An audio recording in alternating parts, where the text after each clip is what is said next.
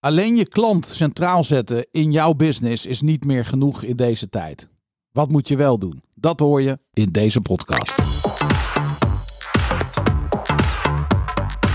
Roeland, welkom in de podcaststudio van Storybrand. Ja, leuk. Dankjewel, Daan. Als jij een boek zou moeten schrijven, waar zou je dan een boek over schrijven? Uh, de grootste struggle in mijn leven, die ik gehad heb en waar ik nog steeds veel tegenaan loop, is dat ik heel verlegen ben. Ja. En er is nergens een handboek waarin iemand vertelt, joh, als je verlegen bent, dan moet je dit doen. Hè? Dus Ja. het is een hele vervelende eigenschap om te hebben. Er is niemand die je vertelt wat je moet doen om er vanaf te komen. Nee. Maar wat bedoel jij met verlegen zijn? Nou, bij nieuwe mensen of in groepen ehm, niet je podium pakken, je, je mening voor je houden. ehm, Ja. dat soort dingen, zeg maar. Ja. Dus niet, niet snel opstaan en eh, eh, je eigen stem laten horen. Ja, het kost misschien bij jou wat meer tijd om jou beter te leren kennen. En dan laat je iets meer zien van jezelf. Ja, zeker. Ja. Oké, cool. Ja. Dus jij zegt van, ehm, als ik een boek schrijf, dan zou het gaan over persoonlijke ontwikkeling. En dan is het eigenlijk voor de doelgroep mensen die vinden dat ze ehm, ehm, misschien wat verlegen zijn. Ja. En daar eh, handvatten voor willen hebben hoe ze minder verlegen kunnen zijn.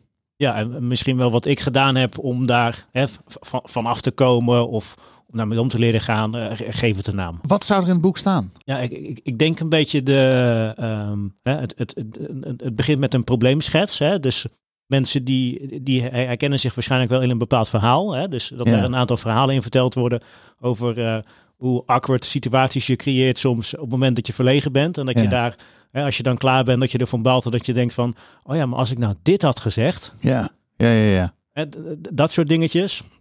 Hè, dat zou denk ik deel 1 zijn. En dan deel 2 is wat meer naar de oplossing. eh, hè, resultaat, wat je, wat je kunt doen en, eh, nou, om een, om een andere, ander resultaat te krijgen, zeg maar. Gaaf. Wanneer, wanneer komt het uit? Ja, ik zat dan volgende week te denken. Volgende week. Je kan heel snel schrijven. Oh, inpraten, hè? Ja. Gewoon praten, dat, eh, dat gaat al veel sneller. Ja, cool. Maar ik, ik denk dat het wel een eh, boek is wat heel veel verkocht gaat worden. Want eh, heel veel, er zijn heel veel introverte mensen. Ja, Ik denk dat het ook wel goed zou zijn om in het boek misschien iets te zeggen over hoe waardevol het is. Dat heeft ook een hele goede kant. klopt. Ja, Maar goed, eh, vanuit jouw drive om je persoonlijk te ontwikkelen, hè, zeg je van nou, ik zou me wel de focus willen leggen op daar waar je op dat moment last van hebt, kunt hebben. Daar wil ik wat aan doen. Ja. Nou, ik, wij werken elke dag met elkaar. Ja, al een behoorlijk aantal jaren. Ik heb, jij zegt wel eens tegen mij van, joh, ik heb wel eens het gevoel dat, het, eh, dat we elkaar al altijd hebben gekend. Het is nooit anders geweest. Dat is volledig wederzijds overigens. precies. Ja. Maar ik zie wel een enorme, jouw groeicurve is wel echt mega hoe jij je ontwikkelt. ja, daar is hier ook de ruimte voor, hè? Ja. Maar dit is echt een mooi onderwerp. Daar moeten Ja. we echt een keer over doorpraten. De Ja. reden dat ik, ik wist niet dat je hiermee zou komen overigens. hè. Dit is volledig niet voorbereid. bij mij ook niet. Ehm, Maar, waarom stel je de vraag? Ja, waarom stel ik de vraag? Nou, we hebben vandaag een gast in de podcaststudio. Danielle de Jonge. Ja, En zij is auteur. Ze heeft ehm, inmiddels uit mijn hoofd twee boeken geschreven. En volgens mij is ze co-auteur van nog een derde boek. ja hè, drie of vier dacht boeken, ik. dacht Ja. ik. Ja. En eh, ik heb er overigens één gelezen. Het boek waar we het ook over gaan hebben vandaag. Mhm. En ehm, het is leuk, want wij gaan naar Storyband eh, het boek Storyband sturen. En zij stuurt ons het andere boek. Zij is auteur. Daar kwam het eigenlijk door. Mhm. Ze heeft meerdere boeken geschreven. En toen, toen dacht ik in voorbereiding op vandaag, eh, als we zo het interview ingaan met haar. Van ja, waar, waar zou jij eigenlijk een boek over schrijven? Want ik Ja. vind jou wel iemand om boeken te schrijven. Ja, ik ben ook wel eens bij een cursus geweest om boeken te schrijven. Echt waar? In het verleden, ja. Ja, dat weet ik. Ja, hila Ja. hilarische avond eh, en eh, weekend was dat. Ja, Fantastisch vond ik het. ja.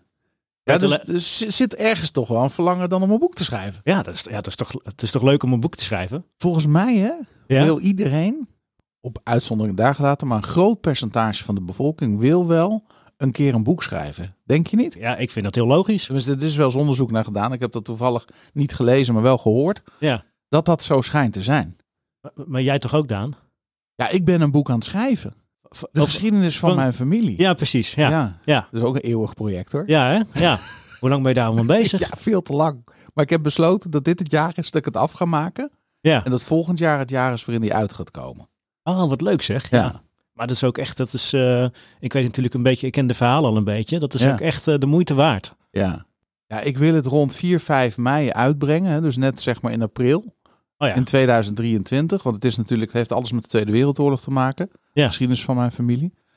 En ik wil daar, ehm, ja, het is een ondernemersverhaal. Precies. En er is nooit, ja, er zijn, wel, er zijn wel in Utrecht heel veel dingen over geschreven, overigens hoor. Maar er is nooit een boek over geschreven. Dus ik zie het wel als mijn ja, stukje roeping, Ja, precies. Ik snap mijn het. plicht bijna, voor de familie ook, dat dit een keer goed op papier wordt gezet. Ja. Dus ja, ik ben een paar jaar bezig geweest met zo'n eh, micro, eh, hoe noem je dat? Zo'n eh, tape recorder. Mhm. Want ik heb eerst ehm, allerlei interviews gedaan van mensen die gewerkt hebben met mijn overgrootvader en met mijn opa. Ja. Heel veel van die mensen leefden gelukkig nog. En eh, dat, dat is heel bijzonder, want dan rij je dus naar iemand toe die je niet kent. En dan, dan zit je dus opeens bij die mensen aan tafel en dan heb je opeens iets gemeenschappelijks. Dat is zo raar. Want zij kennen dan, als ik binnenkom zeggen ze nou jij lijkt op je overgrootvader. Ja, hè? Ja, ja, ja. Hè? Ja. Twee druppels water. ja. Dus dan is het ijs al gebroken. En dan krijg je hun verhalen. En dan komen de fotoboeken. En, en, en, en de anekdotes. Die heb ik allemaal opgenomen. Wat zeg. Dus het wordt wel interessant. Leuk project. Ja. Het is leuk om te doen. Ja, dat snap ik. Ja. Maar ik heb natuurlijk helemaal geen verstand van schrijven. En dat heb je ook niet nodig, toch? Nee, je moet gewoon doen. Ja. Volgens mij is het het belangrijkste. Als je de, de, de ingrediënten maar verzamelt, dan is er vast wel iemand die kan zeggen hoe je er een boek van moet maken. Ja. Of hoe je het, in welke volgorde je moet zetten, dat ook een beetje logisch is. Maar Ja. ja, dat, eh, Nou ja, we dat gaan het meemaken. Maar Ja, eh, nou, wie weet hebben we straks allebei een keer een boek in de, in de kast staan. inderdaad. Dan ga ik jou interviewen Ja. in de podcast. Ja, ja, ja. Ja, interview jij mij. Goed? Ja, ja, goed idee, Daan. Cool. Doen we. Alright. Zullen we naar het interview gaan? Laten we dat doen. Oké, Danielle de Jonge helpt professionals om zakelijk onweerstaanbaar aantrekkelijk te zijn. Zij is spreker en trainer en met de expertise, onderscheidende klantgerichtheid en commerciële slagkracht. Daarover schreef ze drie bestsellers en publiceert regelmatig blogs en vlogs met praktische tips. Voor BNR is zij host van de Klantenpodcast. Hier is Danielle. Nou, Danielle, hartelijk welkom in de virtuele podcaststudio van Storybrand. Daar zitten we dan. Ja, leuk om hier te zijn, virtueel. Maar we zien Ja. elkaar wel, dus dat is goed. Ja, precies. Eh, ontzettend bedankt dat je de tijd neemt om eh, bij ons te gast te zijn. Eh, we hebben met gedaan. veel liefde en aandacht jouw, eh, jouw boek Extreem Klantgericht gelezen. Oh, kijk, En, wat ehm, leuk. Het andere boek, ehm, eh, Human to Human, staat nog op ons lijstje. Maar daar gaan we het straks volgens mij wel nog eventjes over hebben. Ehm, ik heb, mijn eerste vraag zou zijn, eh, waarom noem jij het extreem klantgericht? Ja, nou, dat is ook een beetje volgens mij waar de inleiding mee begint. Je hoort heel vaak natuurlijk bedrijven zeggen, we zetten de klant centraal, of het is het jaar van de klant, of hè, al dat soort hele mooie termen. Ja. Uh, maar dat is niet meer genoeg. Dat is wel heel belangrijk, want je wilt je klant natuurlijk alle aandacht geven die hij verdient. En uh, met gevolg geven dat hij heel belangrijk is, wat hij ook al is, uiteraard. Um, en het extreme in dit geval, dat zit in de optelsom die in het boek uh, naar voren komt. Um, dat zijn drie elementen die voor de toekomst heel belangrijk zijn. Wil je een, een goed bedrijf neerzetten en, en blijven neerzetten. Dat is enerzijds dus die klantgerichtheid. Ja. Die heel belangrijk is. Als tweede je commerciële slagkracht. Dus je, je gesprekken voeren en, en, alles wat er omheen komt uh, kijken in je commerciële proces. En als derde de maatschappelijke impact. Wat je met je bedrijf kunt doen aan nou ja, vraagstukken die leven in de samenleving. Dat klinkt heel groot, maar daar gaan we vast nog wel uh, even wat meer op in.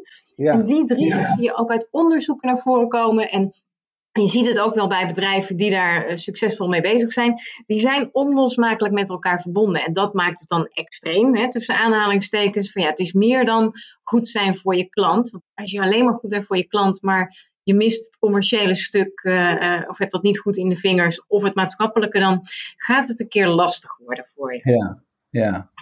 En als je, want zelfs op de voorkant van je boek hè, noem je ook extreem klantgericht is maatschappelijke impact plus commerciële slagkracht plus waardevolle klantrelaties. Mhm. Wat zie jij als grootste voordeel van een extreem klantgerichte organisatie? Als je in de praktijk nu een voorbeeld zou moeten noemen, wat, je in de, wat jij inmiddels in je carrière hebt meegemaakt, je zegt van joh, als een organisatie extreem, als, als ze dit gaan toepassen, hoe ziet dat er dan in de praktijk uit en welke voordelen levert dat op?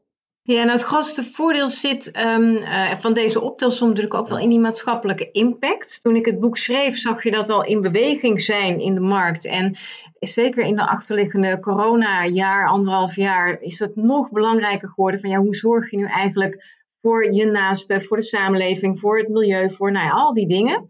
Um, even misschien wel aardig voor de luisteraars om te weten dat maatschappelijke impact dat is iets anders dan ledlampjes in je, in je armaturen draaien of printen op papier met een FSC-keurmerk. Wat heel goed is, hè, maar dat is maatschappelijk verantwoord.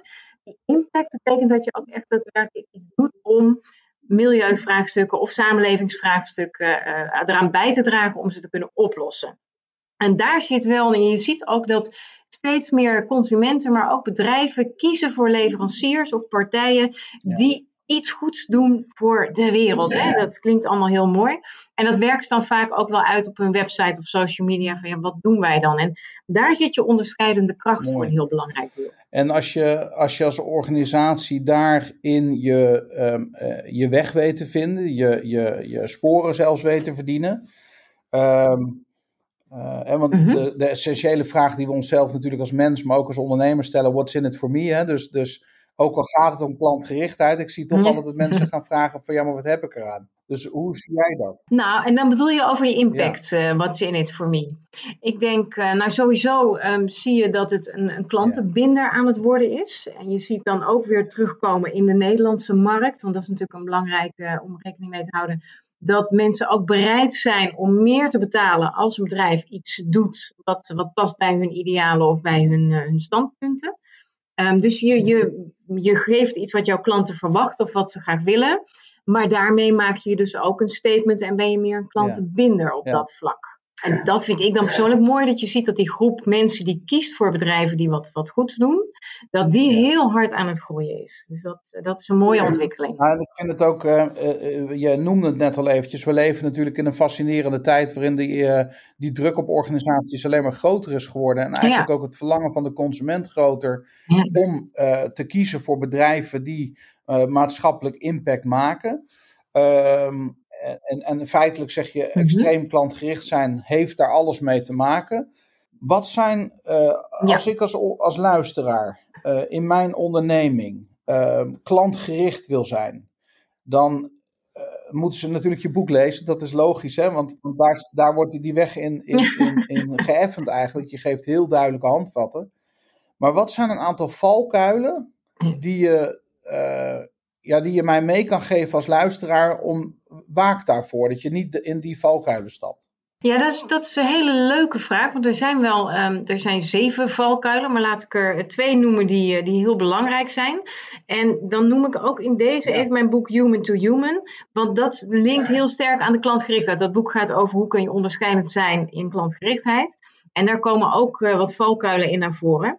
En een hele belangrijke is um, de focus op USP's, de Unique Selling Points, wat we, wat we ik generaliseer enorm, uh, uh, vaak doen, of, of nog steeds uh, wel doen. Ik ben nu een jaar of 15 geef ik workshops en lezingen over klantgerichtheid en commercie. En tot, ik denk een jaar of 8, 9, 10 geleden waren de USP's ook echt heel belangrijk. Dan ging je dan op trainen van hoe doe je dat dan in gesprekken en nou, al dat soort dingen. En op een gegeven moment zie je een verschuiving ontstaan, mede door het internet, maar ook door klanten die streetwise zijn geworden. Die echt wel zelf uh, goed kunnen nadenken en weten wat ze willen of denken te weten wat ze willen. Um, dus je ziet de verschuiving dat de USP's niet meer zo belangrijk zijn om te benadrukken in bijvoorbeeld gesprekken. Ze mogen nog best ergens op de website natuurlijk kunnen voorkomen. Maar dat je focus gaat verschuiven naar de UBR's, de Unique Buying Reasons.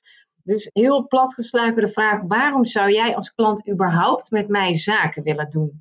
En dat gaat na 99 van 100 keer niet om jouw USP's, want het heeft een ander ook wel of vergelijkbaar. Of, hè, vaak is je product of je dienst niet het meest onderscheidende, maar wel hoe jij je service regelt, hoe jij als persoon bent, je imago als bedrijf, al dat soort dingen die daarbij komen kijken.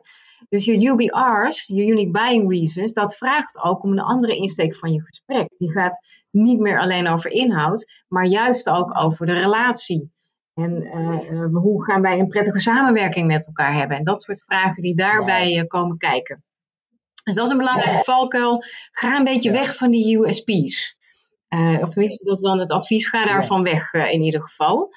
Ehm, een andere valkuil vind ik altijd wel een hele aardige ook om. Uh, ik hou van onderzoeken, ik lees veel onderzoeken en dan uh, al die cijfertjes die uh, daar doe ik dan iets mee of die onthoud ik. En er is een onderzoek geweest van Bain Company. En die zijn naar directieleden gegaan van allerlei bedrijven in verschillende landen. Kleine bedrijven, grote bedrijven, verschillende sectoren. Met de vraag: beste directieleden, is jullie bedrijf heel klantgericht? Hebben jullie goede service? Weten jullie wat de klant voor behoeftes heeft? Etcetera, etcetera dan zegt 80% van die directieleden, ja, wij zijn echt heel klantgericht, goede service enzovoort. Vervolgens zijn die onderzoekers, die zijn naar de klanten van die bedrijven gegaan. Met de vergelijkbare vraag, ervaren jullie een goede servicegerichtheid? Um, zien jullie dat ze echt weten waar je behoefte aan hebt? Al die vragen weer. Pardon. En um, dan is natuurlijk de vraag van hoeveel procent van die klanten ervaart dat ook? Ik weet niet of jij het nee. onderzoek kent, Daan. Hey, hoeveel procent, je weet dus 80 procent van die directieleden die ervaren, vindt dat ze daar heel goed in zijn. Hoeveel procent denk jij van klanten Ik denk dat het schokkerend laag is, omdat wij onszelf misschien wel permanent overschatten. Maar um, ja, ik zou bijna hier de 80-20 regel willen toepassen. Is het die 20% die het ervaart? Nee, oh, het is nog veel schokkender. het is, ja, het is Oh. 8 Dus dat is natuurlijk een, een gigantisch gat. Ehm, wat, en wat dan meteen belangrijk is om daar aan Ja. toe te vo- voegen. Het is natuurlijk niet zo dat al die bedrijven er een rommeltje van maken. Dat ze maar wat doen en, eh, of, of eigenlijk helemaal niet met die klant bezig zijn.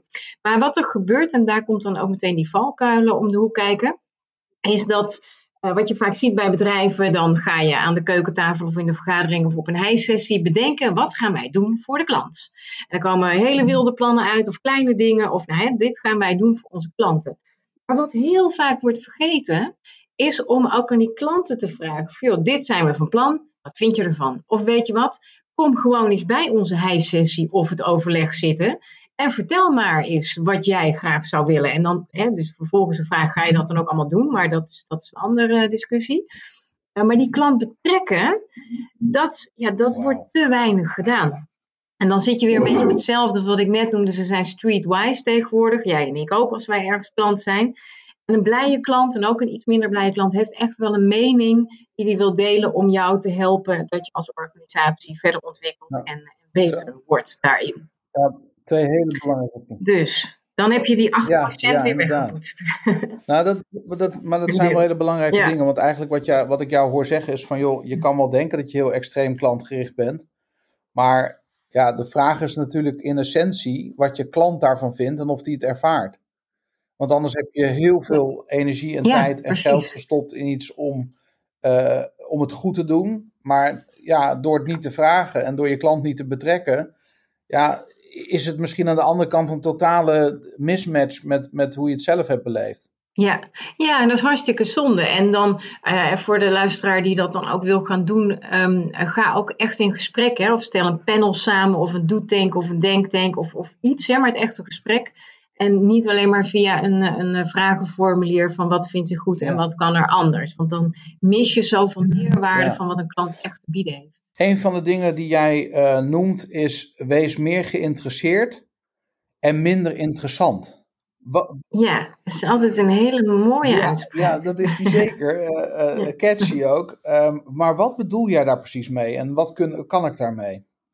Ehm, nou, dat zit me in twee dingen. Het ene linkt al een beetje aan wat ik net noemde, is verdiep je ook wat meer in die samenwerkingsrelatie.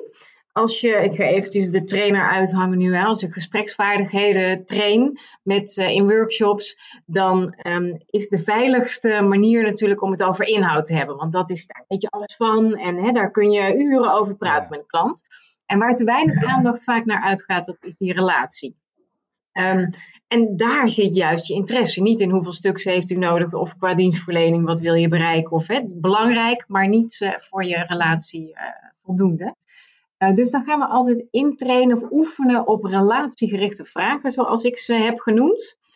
En die gaan dus ook puur over hoe gaan wij het leuk hebben met elkaar. Wat vind je belangrijk? Wat verwacht je wel en niet?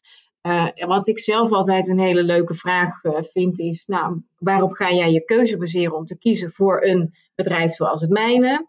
Of hè, wat zijn je besliscriteria? Dus, dus het gaat wat meer weg van nou ja, de stuks en de, en de doelen die iemand heeft met een, een bepaalde dienst.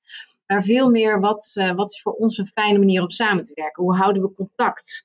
Uh, wat voor ambities heb je? Wat wil je bereiken voor jouw klant? Als je met een bedrijfszaken doet, is dat ook vaak een leuke vraag. Wat willen ze voor hun klanten? En wat kun jij daar dan weer aan bijdragen? Um, en op het moment dat je dat doet, dus veel meer focust op die relatiegerichte vragen, dan ben je al veel meer geïnteresseerd. Want dan gaat het niet meer alleen over ik ga iets doen en er komt een factuur en dan ben jij tevreden met datgene wat ik heb gedaan. Hè? Dat, ik zeg het even kort door de bocht. Um, en je merkt ook op het moment dat mensen dat soort vragen gaan stellen in echte gesprekken, want daar koppelen we dan natuurlijk altijd weer eh, naar terug eh, in een bijeenkomst, is dat ze echt wel een diepere laag hebben in het gesprek. En dat je ook merkt dat de klant soms echt eventjes even een paar seconden stilvalt, omdat hij dan denkt van ja, dat is een goede vraag, daar moet ik eens even over nadenken. En dan krijg je ja, een heel ander soort contact uh, met elkaar. Dus daar zit het hem uh, um, voor een belangrijk deel in. Ja, en wat, um, wat ik uh, iedereen ook altijd aanraad, is om je doelgroep heel goed te kennen. En dan zijn er vast ondernemers die denken: oh ja, daar heb je er weer eentje, je moet een doelgroep. Ja, dat is wel handig als je een doelgroep hebt, of meerdere kan ook, hè, maar, maar hou, het, uh, hou het helder. Um, en uh, je klant bijvoorbeeld beter leren kennen kan met Google Alerts. Ja, Ken je Google sorry. Alerts? Uh, gebruik ja. jij het? Waar gebruik ik gebruik het met name om te zien wat er gepubliceerd wordt over bepaalde onderwerpen in ons vakgebied. Ja, ja, ja, daar is je inderdaad ook heel goed voor. En um, wat je ook kan doen dan, is dat je klantnamen, als je met bedrijfszaken doet, met particulieren is natuurlijk weer een ander uh, vlak, maar dat je bedrijfsnamen in een Google Alert zet en op het moment dat er dan ergens op internet iets over zo'n bedrijf uh, verschijnt, krijg jij een mail en dan is het, nou, ik denk over de 80-20 regel gesproken, 80% nice to know. Maar daar heb je verder niet zoveel aan. Maar er zitten altijd van die pareltjes tussen dat je denkt, oh, dit is mooi om even contact op te nemen met de klant of om aan te refereren als ik eh, iemand Sterk. Ja. Um, dus dat verdiepen in brancherapporten van banken, onderzoeksbureaus, kijken wat ze schrijven over ja. je doelgroep. Dat is denk ik ook een hele belangrijke om uh, meer geïnteresseerd ja, mooi. te zijn. Uh, ik hoor je net een, uh, iets zeggen, dat is dat relatiegericht uh, zijn. Dus wees meer geïnteresseerd, ja. minder interessant, betekent relatiegericht. Zou je kunnen zeggen ja. dat de titel Human to Human door jou gekozen is vanwege het feit dat jij ons bewust wil maken als ondernemers en als managers en marketeers dat, we, dat het in essentie altijd om die relatie gaat en dus die relatiegerichtheid. En, en, en zou je daarmee ook kunnen zeggen dat extreem klantgericht als titel misschien ook wel extreem relatiegericht had kunnen zijn? Ja, dat, had, nou, dat is wel aardig. Ja, ja dat klopt wel. Um, ik, inderdaad, het is mijn volledige overtuiging dat als de relatie goed is, dan komt het zaken doen vanzelf wel. En of wij dan met elkaar zaken doen, of dat ik jou ergens aanraad, of hè, dat, dat, dat ligt er maar net aan op wat je elkaar uh, kunt bieden. Maar dat is zo belangrijk. En dat zie je dan ook weer terug in dat extreem klantgericht, dat model van die drie elementen.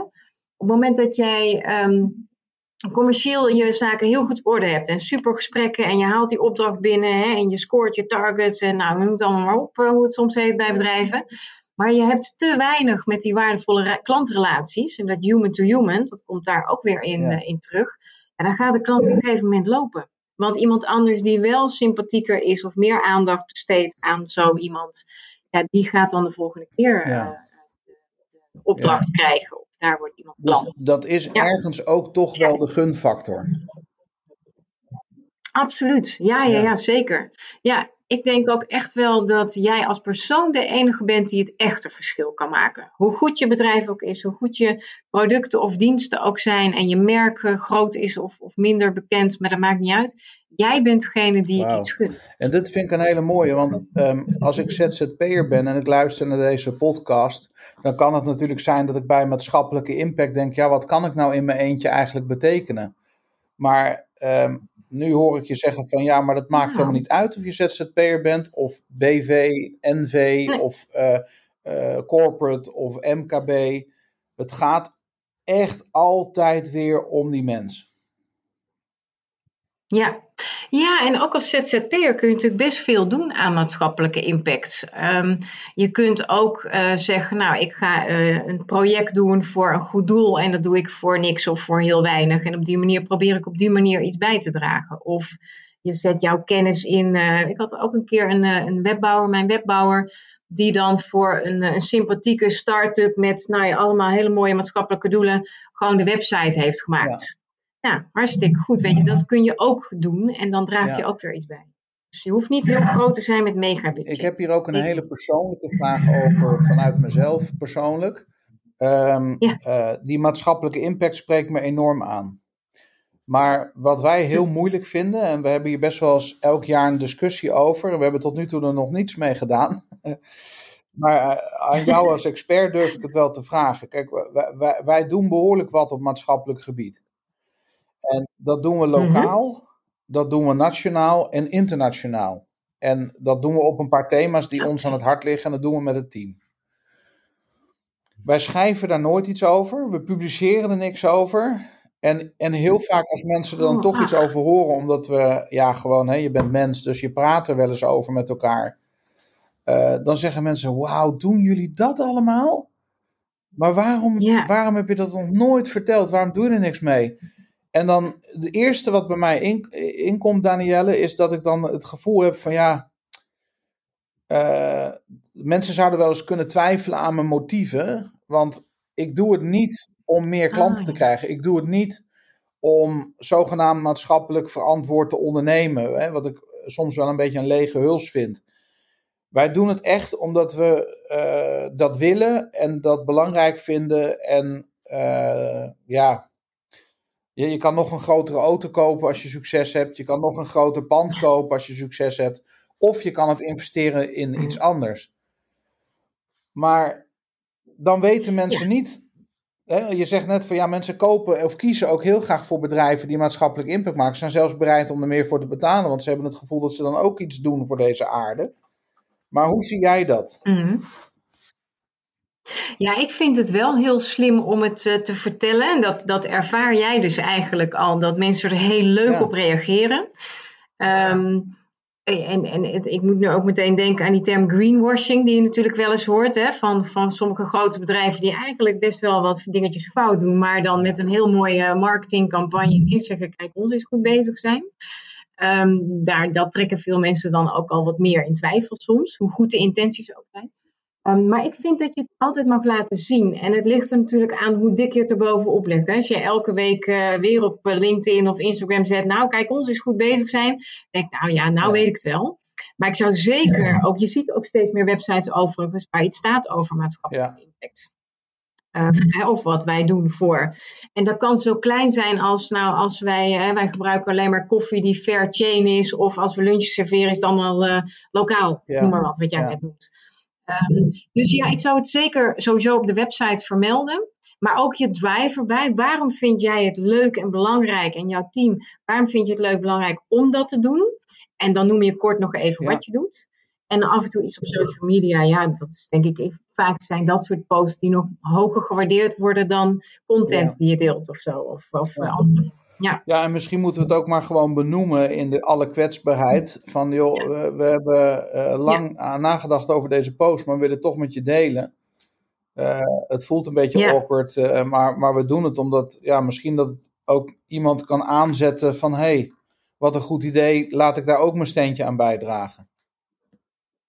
Precies, ja. Ja, ja zeker een inspiratie voor anderen. Nou, dus, de, en, en als je dan even heel, heel uh, praktisch kijkt, zeg jij van joh, maak daar gewoon een pagina op je website over. Vertel dat verhaal goed en deel het ook af en toe, zodat mensen weten. het, het is ook het gezicht van de onderneming eigenlijk, hè?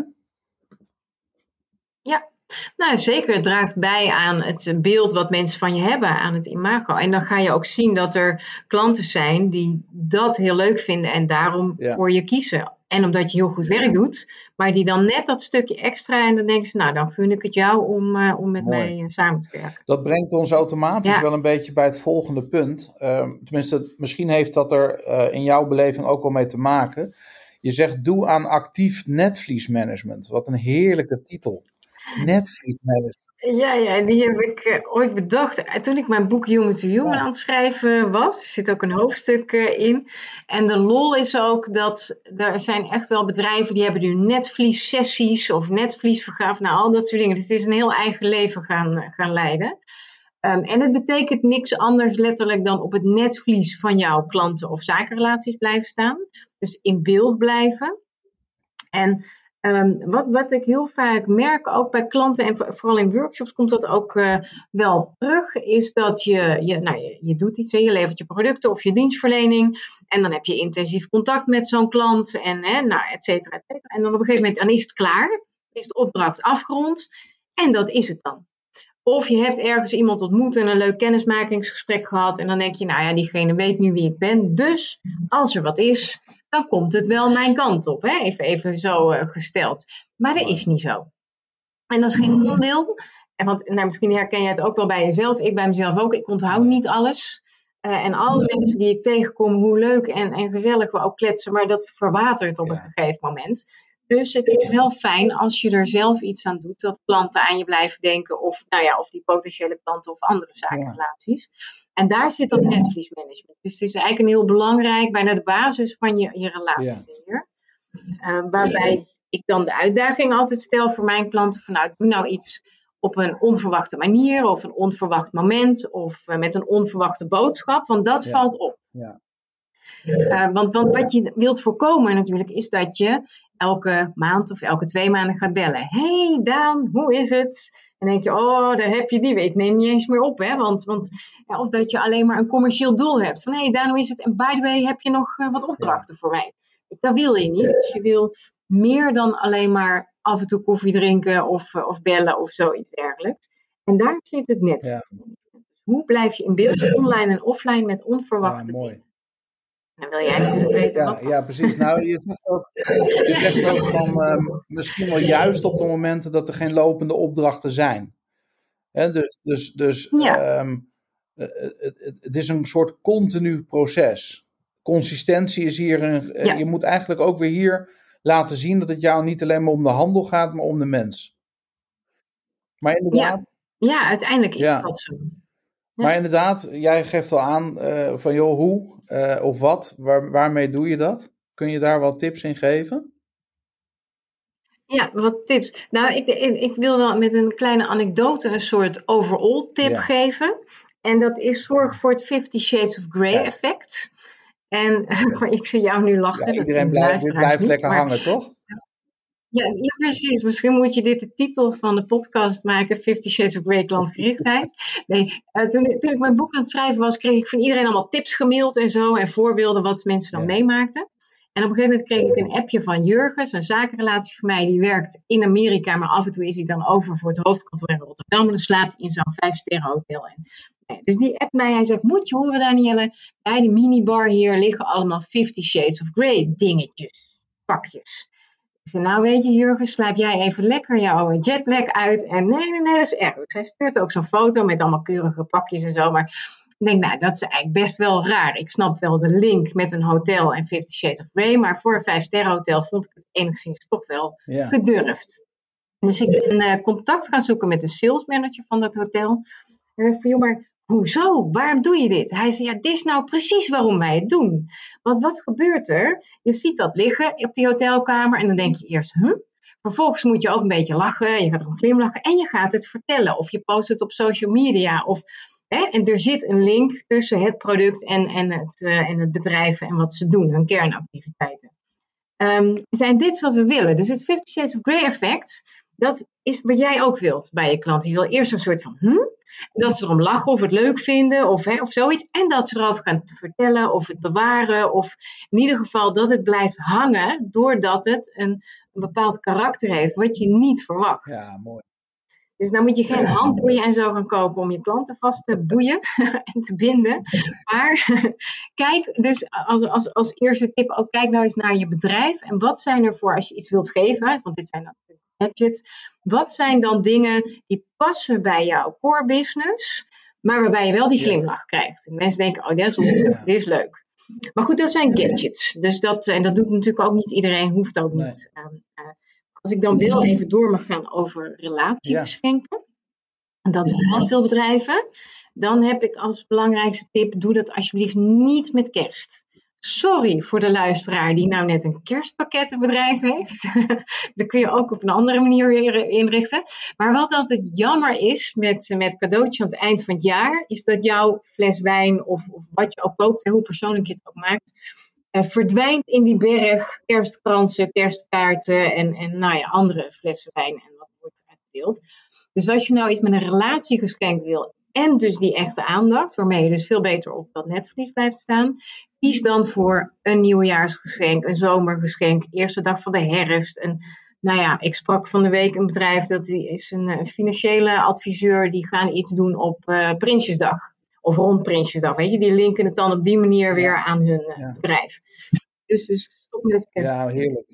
Maar wat kun je nog meer doen aan netvliesmanagement? Nou, bijvoorbeeld stuur ze een aanzichtkaart want tussen alle appjes en social media posts en e-mails en is een aanzichtkaart met een handgeschreven bedankje of felicitatie of zomaar is, is alweer leuk. Um, uh, stuur, wat ook altijd heel leuk werkt als je iemand mailt, om dan de PS van de mail te gebruiken. Want de PS wordt bijna altijd gelezen. Dus daar kun je inzetten PS, uh, prettige vakantie als je weet dat iemand, of PS, uh, lees hier het nieuwste blogartikel, want ik denk dat dat voor jou interessant is. Zoiets dergelijks. Um, als je een WhatsApp-relatie hebt met je, met je klanten, soms is het contact zo dat je ook met elkaar appt. Denk er dan eens aan als je een korte boodschap hebt om die uh, bijvoorbeeld in te ja. spreken in ja. plaats van te typen. Kan overigens ook met LinkedIn tegenwoordig, kun je ook gesproken berichtjes uh, sturen. Um, want vaak is het net weer te veel om iemand te bellen. Maar het is wel leuk als iemand je even hoort. En je hebt net een andere toonzetting. En, en Heel mooi. Ja. Dus het zit in dat soort. Het zijn echt kleine dingen die geen of heel weinig geld uh, ja. kosten. Het zijn er zomaar De een paar. associatie die ik heb als je aan het praten bent is met aandacht maakt alles mooier, zegt Ikea. Ja. En, en dat is misschien wel ook in onze relaties. Hè? Ik bedoel, kijk, als je heel lang getrouwd bent en je neemt opeens bloemen mee. Dan, ja, dat is niet uh, slim. Nee, maar als je gewoon structureel gewoon blijft verrassen en hè, Ja. misschien is het wel zo ook in een klantrelatie van hé, hey, wat moet je van me? Tenzij je gewoon een structurele patroon hebt van hé, hey, we denken aan je. Er zijn gewoon kleine Ja. dingetjes, gebaren, de aandacht die alles mooier maakt. Zeker, ja. Jij, jij schrijft op een gegeven moment in je boek over, ehm, eh, ja, je noemt dat supporters. Dat, dat noem jij de klant die graag zaken met je blijft doen. Hè? Dus een soort tevreden klant. Mhm. Ehm, eh, en, en als iemand ze om tips vraagt, dan komt eh, nou, jouw naam direct bij ze bovendrijven. Mhm. Eh, maar uit zichzelf zullen ze wat minder snel over je beginnen. En dan praat je over superpromoters. De, de echte fans van je business. Ja. De echte Oh. ambassadeurs. Ja. De echte ambassadeurs. Ehm, het lijkt wel, als ik met ondernemers praat, dan iedereen wenst dat. Maar ze hebben er altijd maar een paar ten opzichte van het grotere geheel. Ja. Hoe zie jij dat? Nou, dat klopt ook wel. Want natuurlijk in die ideale wereld worden alle je klanten dolgelukkig en jouw ambassadeur. Maar ja, zo werkt het niet. Dus Nee. echte ambassadeurs die vanuit zichzelf gaan vertellen... nou, je moet bij dat bedrijf zijn of je moet dit product kopen. Of, dat zijn er gewoon niet zoveel. Eh, maar die supporters, dus dat is de lager onder... dat zijn de bijna ambassadeurs, die zijn wel enthousiast. En als iemand zegt, goh, ken je nog iemand die of een bedrijf wat... Nou, dan komt jouw naam inderdaad als eerste. Ehm, dus, dus dat is ook wel goed om je te realiseren van ja, wie zijn mijn ambassadeurs en wie zijn mijn supporters. Hè? Pak je klantenbestand er eens bij en, en leg dat eens, eh, vi- vink eens aan. Wat is nou eh, wie? Ehm, het is wel daarnaast mijn, mijn overtuiging dat op het moment dat jij dat meer geïnteresseerd, minder interessant, veel meer doet aan netvliesmanagement, dan gaan er een aantal mensen van die supporters gaan naar die ambassadeurs, eh, het ambassadeurslevel, om het maar even zo te zeggen Ja. omdat Ja. die dan echt wel denken van ja, maar dit is echt een tof bedrijf. Ik wil hierbij horen en dat mag iedereen weten. Ja. Als je nu, ehm, zeg maar, met jouw visie, met jouw kennis, met jouw ervaring de toekomst in kijkt. Mhm. De bedrijven, eh, de ondernemingen. Wat zie, jij, wat zie jij nu al misschien zelfs in de maatschappij ontstaan waarvan je zegt veel, het is niet meer alleen maar leuk om na te denken over hoe kunnen we extreem klantgericht zijn. Is dit noodzaak? Is dit, zijn, zijn het de bedrijven die, die uiteindelijk hiermee aan de slag gaan, degene die het overleven? Wat is jouw visie voor de toekomst hierop? Ja, nou ik denk dat, um, um, of, of, ik vind mijn visie is uh, dat, je, dat die relatie wordt steeds belangrijker. Want bedrijven zijn heel makkelijk inwisselbaar als het gaat over het aanbod wat ze hebben. Uh, dus die relatie, en dat kristalliseert zich uit. Um, en je ziet dat, je hebt dat ook wel gezien in de achterliggende periode, waarin het natuurlijk voor veel bedrijven ook wat lastiger was. Of misschien nog wel is om, uh, om goed zaken te doen. De mensen die maar bezig bleven en, en hun klanten betrokken van joh, ik heb het lastig, maar hè, kunnen we. Dat zijn wel degenen die er heel sterk uitgekomen zijn over het, algemeen. Kijk je naar de restaurants, dan zijn dat vaak de restaurants die wel de, de cadeaubonnen hebben verkocht, zonder dat ze er iets voor kunnen leveren. Gewoon omdat je denkt, ja, weet je, ik gun het jou, want nou ja, vul maar in. Um, dus, dus uh, zeker mijn visie is heel stellig door te zorgen voor die relatie. En dat kan je natuurlijk op allerlei manieren doen. Door je, je online benadering um, naar een hoger level te trekken. We zijn nu ook heel erg gewend aan uh, online zaken doen. Dus hoe ga je daar uh, mee om? Wat je ziet, een hele leuke trend is ook wel een soort entertainment. Dus maak het ook leuk om met jouw zaken te doen. Durf ook humor te gebruiken als het gepast is. Weet je, het leven is al serieus, dus het moet ook leuk zijn om met elkaar zaken te doen. En ook dat is natuurlijk een klantenbinder, ja. ja. Dus, dat, uh, dus, dus om ook te zoeken naar... En, maar, en dan kom je weer terug bijna bij het begin waar we het over hadden. Ga eens met een paar klanten in gesprek. En vraag nou, joh, wat is voor jou nou de reden om de komende vijf jaar met mij ook nog steeds zaken te willen doen? Wat moet ik daarvoor doen? Of wat moet er voor gebeuren? Of wat moet er juist niet voor gebeuren? Ja, mooi. Ja. Als jij nu um, in het verlengde van die vraag, uh, Danielle, want je hebt nu uit mijn hoofd twee boeken geschreven. Drie. Ja, eentje in co-auteurschap. Uh, ja. ja. ja. En, wat staat de titel van? Verleid de klant. Die is al wel een jaartje of uh, bijna tien oud, denk ik. Nee, nee, ja, nou, bijna wel, ja. Negen. Maar, maar die tijd vliegt voorbij, dus dat, dat, ja, dat ja. niet.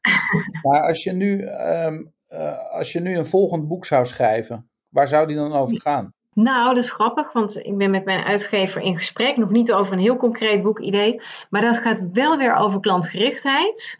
En dan dus uh, eigenlijk de, de over, nou, overtreffend trap is niet het goede woord. Maar de verdieping weer op human to human. En op het onderdeel waardevolle klantrelaties uit, extreem, uit extreem klantgericht. Dus, en wat, wat ik heel belangrijk vind, misschien merk je dat nu ook wel in, in deze podcast, ik hou van de praktische tips. Ja. Dat doe ik ook in mijn lezingen, mijn workshops. Um, dus het zou zo'n boek worden over hoe makkelijk is het voor iedereen om heel klantgericht te zijn en dus die klanten echt uh, aan je te blijven binden. Fantastisch. Ja, mooi. Ja. Ik vind het een hele mooie. Ik moet, uh, terwijl je dat uh, zo zegt, denken. we waren een tijdje geleden uh, in Zwolle. En oh, ja. uh, daar kwam ik een schoenenzaak tegen. En die ben ik gaan volgen online, omdat het twee hele jonge ondernemers waren die met zoveel passie dat vak uit aan het oefenen waren. het was een vrijdagmiddag. Er kwamen bitterballen de zaak in van de buurman ja. het restaurant. de, de, de toonbank was een bar met whisky. En ze vroegen of we iets wilden drinken. Ja. Uh, ze hadden van bepaalde merken, uh, uh, gaven ze aan dat ze samen met die schoenenimporteur modellen ontwierpen die alleen bij hun in de winkel te koop waren. En, oh, wow. ja, yeah. Het was echt gewoon helemaal tip-top in orde. En op een gegeven moment wilde ik heel graag een riem hebben bij die schoenen. Maar die hadden zij niet, maar die konden ze wel in die kleur poetsen. Oh. Maar dat is een heel precies werkje en dat, dat doen ze ook niet in één keer, want het moet laag op laag op laag. Yeah. Ja. En um, nou, dat gingen zij dus voor mij in orde maken. Ze, ze vertelden daar zo enthousiast over en ze hebben dat ook keurig toegestuurd.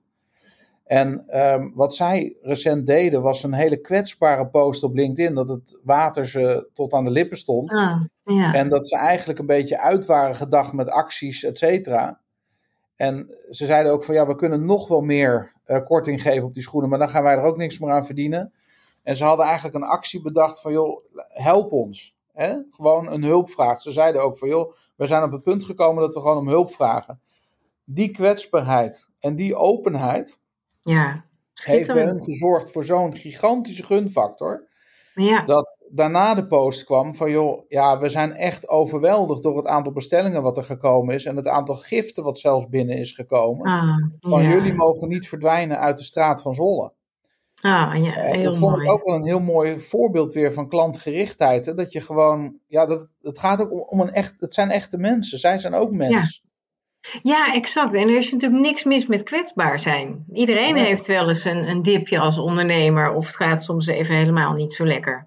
Eh, maar als je altijd alleen maar het mooie weer speelt op social media en hè, kijk, ons is goed bezig zijn, hartstikke leuk. Maar dan gaat het hele echte is er dan niet. Je leert iemand niet echt kennen. Nee.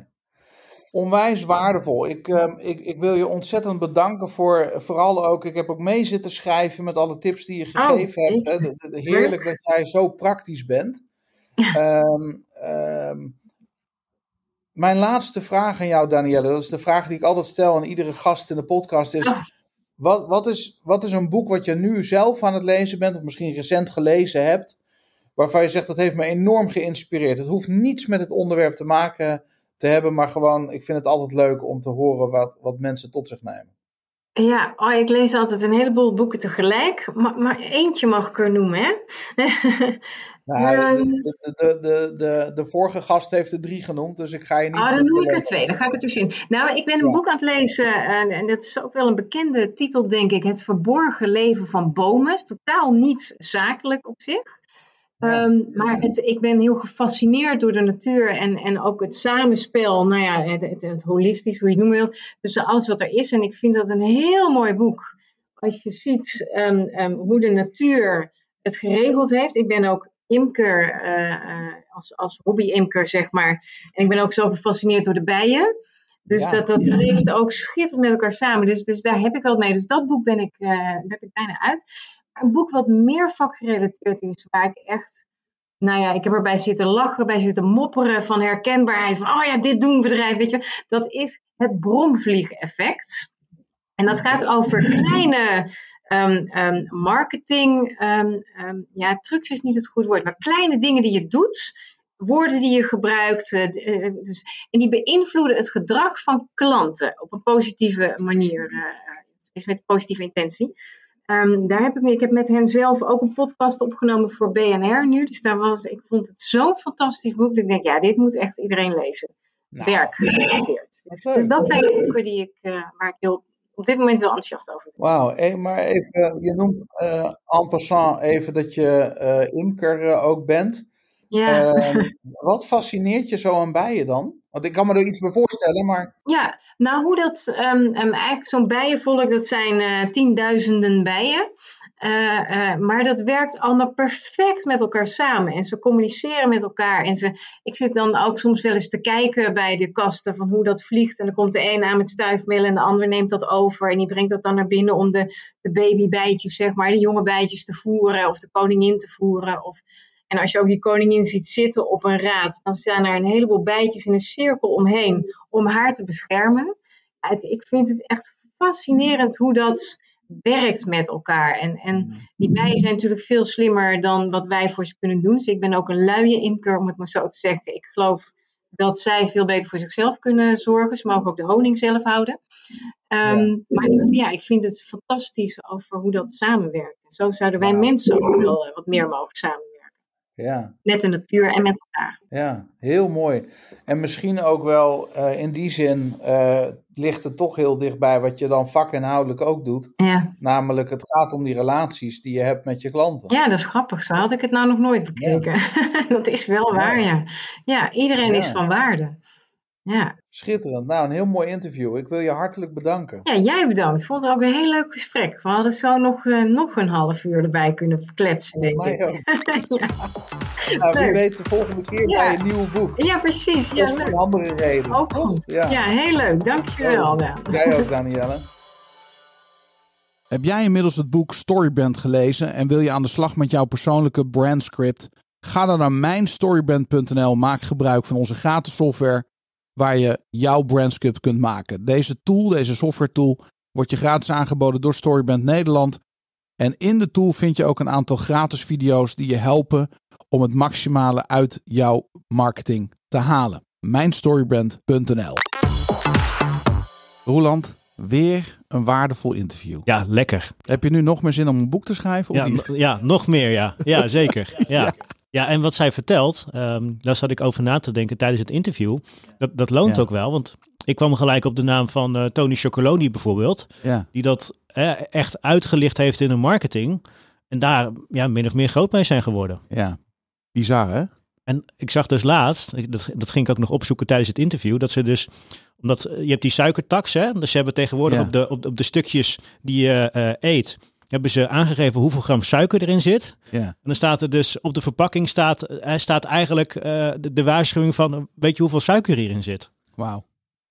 Ja, dat is gewoon, dat is eigenlijk gewoon eh, wat je tegenwoordig op sigarettenpakjes ziet staan, hè? Ja. Ga het niet gebruiken. Ja. Hoe, ja, hoe ver loop je dan voor als je dat al doet op je, op je, eigen, op je eigen producten? Ja. Boeiend. Ja, hè? Moeten we hem niet een keer uitnodigen in de podcast? Tony. Ja. Hoe zou die van zijn achternaam weten?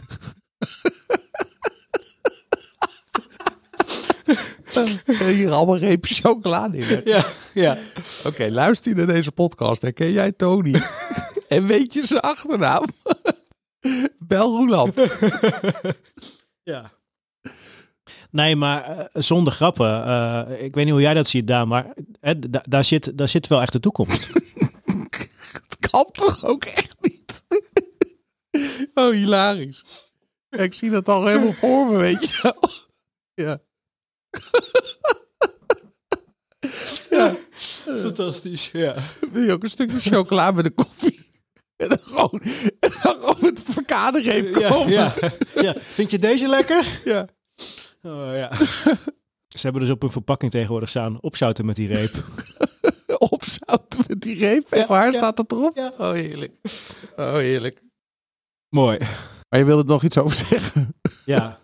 Nee, wat ik wilde zeggen is, ik zei, ik weet niet hoe jij dat ziet, Daan, maar je ziet dus hè, dat eh, als je daar zo mee bezig bent, dat dat loont. Ja. Hè, en dat eh, steeds meer bedrijven die eh, in een hele korte tijd heel bekend worden, vaak ook met dat soort thema's werken. Ja. Het is, volgens mij wordt het gewoon steeds belangrijker. Dat is het gevoel wat ik erbij krijg. Ja. Als ik elkaar hoor praten, dan denk ik, joh, dit, dit, hier moet je iets mee. Precies. Ja. En dan niet vanuit de tips en tricks. Ik ben overigens ontzettend blij dat zij zo concreet wordt. Ja, dat is, ja, vind ik ook heerlijk. Maar het moet wel geboren worden vanuit een langdurige visie. En het moet heel dichtbij passen. Weet je? Ik denk ook even terug aan het interview met Bart Kloosterhuis. Authentiek zijn. Hè, van Vertel eens. Die hebben we ook recent geïnterviewd. Dan denk ik hier, als je dat 1 plus 1 is 3. En dus als je echt jezelf blijft en een visie ontwikkelt over die extreme klantgerichtheid. Volgens mij eh, ja, kun je dan niet anders dan winnen. Zo is het. Ja. Mooi. Eh, op naar volgende week. Yes, gaan we doen. Alright. Tot volgende week. Tot volgende week.